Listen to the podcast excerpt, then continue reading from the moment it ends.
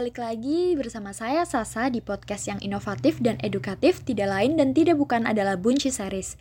Bincang hukum bisnis series di podcast Pengabdi Wayang Windu UGM sesi 7 HKI. Oke, podcast ini masih dengan bersama narasumber yang sama, yaitu Nadia dari Ilmu Hukum. Nah, di episode kali ini kita akan membahas sesuatu yang berbuah teknologi ya, Nat ya. Yaitu tentang apa, Nat? Mungkin bisa dijelaskan lagi? Topik kali ini kita akan membahas tentang hak paten dan hak desain tata letak sirkuit terpadu. Yap, betul banget. Dari namanya aja, nama topiknya aja nih sudah ketahuan kalau akan teknologi sekali gitu ya. Mungkin dari hak paten dulu ya, apa sih itu hak paten, Nat?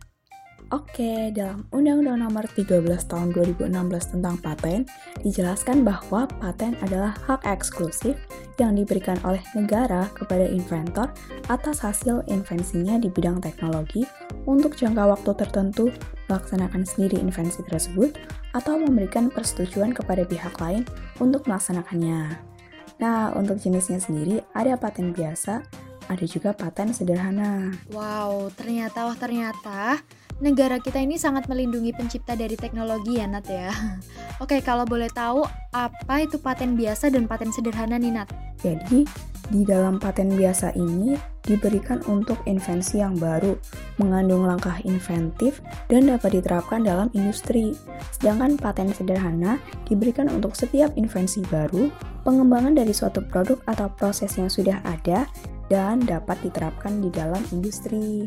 Oh gitu. Um, oh ya ya ya. Oke. Lalu desain tata letak sirkuit terpadu ini apa ya? Kok dari namanya tuh kayak terlihat rumit sekali ya Nat? nah, jadi gini ya sebenarnya. Kenapa ini jadi kelihatan kayak rumit banget? Karena sebenarnya ini terdiri dari dua kalimat, Sa.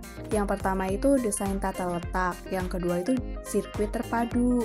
Kalau di dalam Undang-Undang Nomor 32 Tahun 2000 itu dijelaskan bahwa desain tata letak itu adalah kreasi berupa rancangan peletakan tiga dimensi dari berbagai elemen. Sekurang-kurangnya satu dari elemen tersebut adalah elemen aktif, serta sebagian atau semua interkoneksi dalam satu sirkuit terpadu dan peletakan tiga dimensi tersebut dimaksudkan untuk persiapan pembuatan sirkuit terpadu. Nah, kalau sirkuit terpadunya sendiri itu adalah suatu produk dalam bentuk jadi atau setengah jadi, yang di dalamnya ini terdapat berbagai elemen dan sekurang-kurangnya satu dari elemen tersebut adalah elemen aktif yang sebagian atau seluruhnya itu saling berkaitan serta dibentuk secara terpadu di dalam sebuah bahan semikonduktor yang dimaksudkan untuk menghasilkan fungsi elektronik.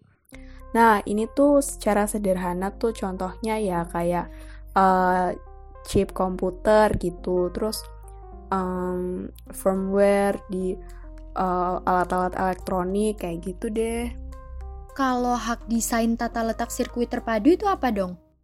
Nah, kalau hak desain tata letak sirkuit terpadunya sendiri adalah hak eksklusif yang diberikan oleh negara kepada pendesain tata letak sirkuit terpadu atas hasil kreasinya untuk selama waktu tertentu melaksanakan sendiri atau memberikan persetujuan kepada pihak lain untuk melaksanakan hak tersebut. Nah, hak yang dimaksud ini itu seperti melarang orang lain tanpa persetujuannya, membuat, memakai, menjual, mengimpor, mengekspor, dan atau mengedarkan barang yang di dalamnya terdapat seluruh atau sebagian desain yang telah diberikan hak desain tata letak sirkuit terpadu. Oh gitu ya, menarik menarik. Nah sekarang kita masuk sesi pertanyaan ya. Sudah ada satu tamu kita dari Kang Yuri seorang pengusaha rental PS yang sudah hadir di studio kita. Selamat datang Kang Yuri, silahkan perkenalkan diri dan silahkan sampaikan pertanyaannya. Perkenalkan, Abdi Teh Yuri ingin bertanya.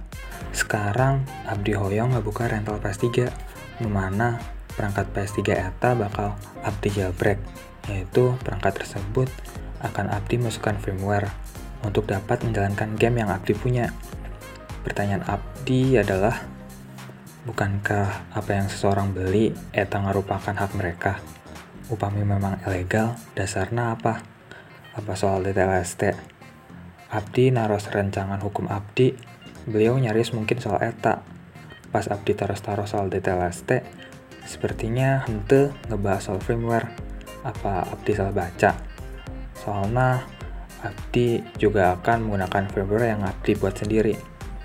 Jika ilegal, apakah melakukan jailbreak untuk diri sendiri juga tidak boleh, atau hanya yang didagangkan saja? Atur nuhun.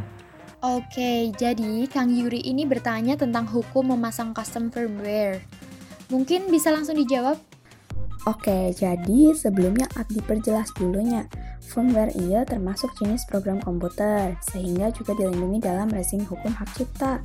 Umpami suatu firmware sebagai suatu ciptaan, terdapat sarana kontrol teknologi yang dibuat untuk mencegah seseorang mengubah cara kerja firmware tersebut, baik melalui proses instalasi firmware asing ataupun memodifikasi cara kerja firmware itu, dan atau sarana kontrol teknologi tersebut dibuat menjadi tidak berfungsi, maka dapat dikatakan orang yang melakukannya telah melanggar undang-undang hak cipta. Akan tetapi, sanksi pidana atas pelanggaran ini hanya berlaku untuk penggunaan secara komersial. Nah, penggunaan secara komersial ini diartikan ya sebagai pemanfaatan ciptaan dan atau produk hak terkait dengan tujuan untuk memperoleh keuntungan ekonomi dari berbagai sumber atau berbayar, misalnya dijual atau um, dilisensikan kepada pihak lain yang kemudian Bapak memperoleh keuntungan gitu. Nah, oleh sebab itu, kegiatan jailbreak sarang ngalebatkan firmware oleh individu kanggo keperluan penggunaannya nyalira seharusnya tuh tiasa kena pasal iya teras kanggo DTSLT ya objek anu dilindungi ke rezim DTSLT nyaeta kreasi tiga dimensi yang orisinal. Sementara dalam perbuatan jailbreaking upami asumsi kami benar ya bahwa yang dilakukan adalah penggantian atau memodifikasi firmware. Agaknya sulit ya buat mengatakan bahwa terdapat pelanggaran DTSLT. Kusabab yang dilanggarnya bukan mengenai kreasi tiga dimensinya. Oh gitu, ngertos ngertos ngertos.